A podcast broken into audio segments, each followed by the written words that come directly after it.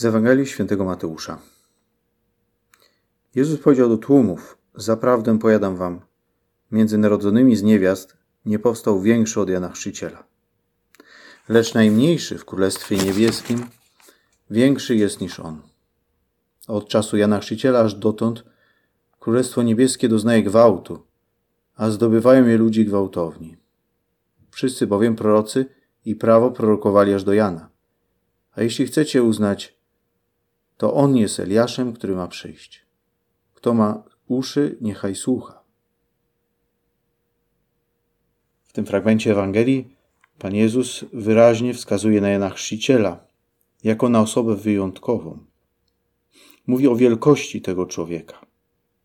Mówi o jego świętości. Wielkość w tym wypadku właśnie oznacza świętość. O jakiej świętości mówi nam nasz Pan? Mówi o świętości, którą zdobywają ludzie gwałtowni. To znaczy zdecydowanie. To znaczy ofiarnie. To znaczy ludzie nieodpuszczający. Może właśnie to słowo jest kluczem do zrozumienia dzisiejszej Ewangelii. Znamy naszą słabość. Wiemy, jak często jesteśmy dla siebie zbyt miękcy. Odpuszczamy sobie, rezygnujemy. Usprawiedliwiamy się wyjątkowością jakiejś sytuacji. Nie podejmujemy spraw, które oznaczają dla nas wysiłek.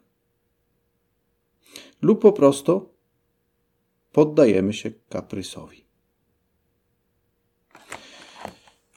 Święty Josemaria pisze w drodze.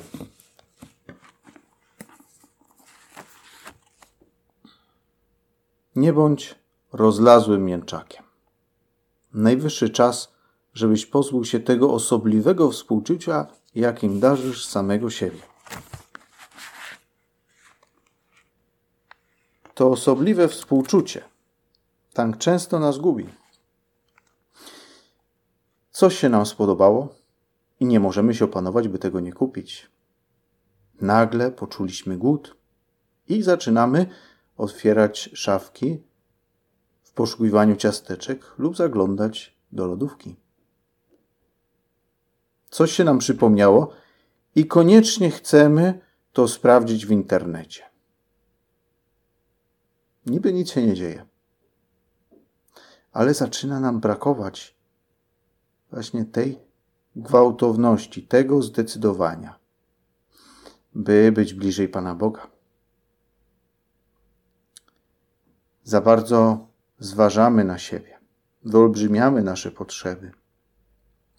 A Pan Bóg, który przecież nigdy nie jest nachalny, nigdy się nie narzuca, zostaje zepchnięty w jakiś kącik pobożnej rutyny.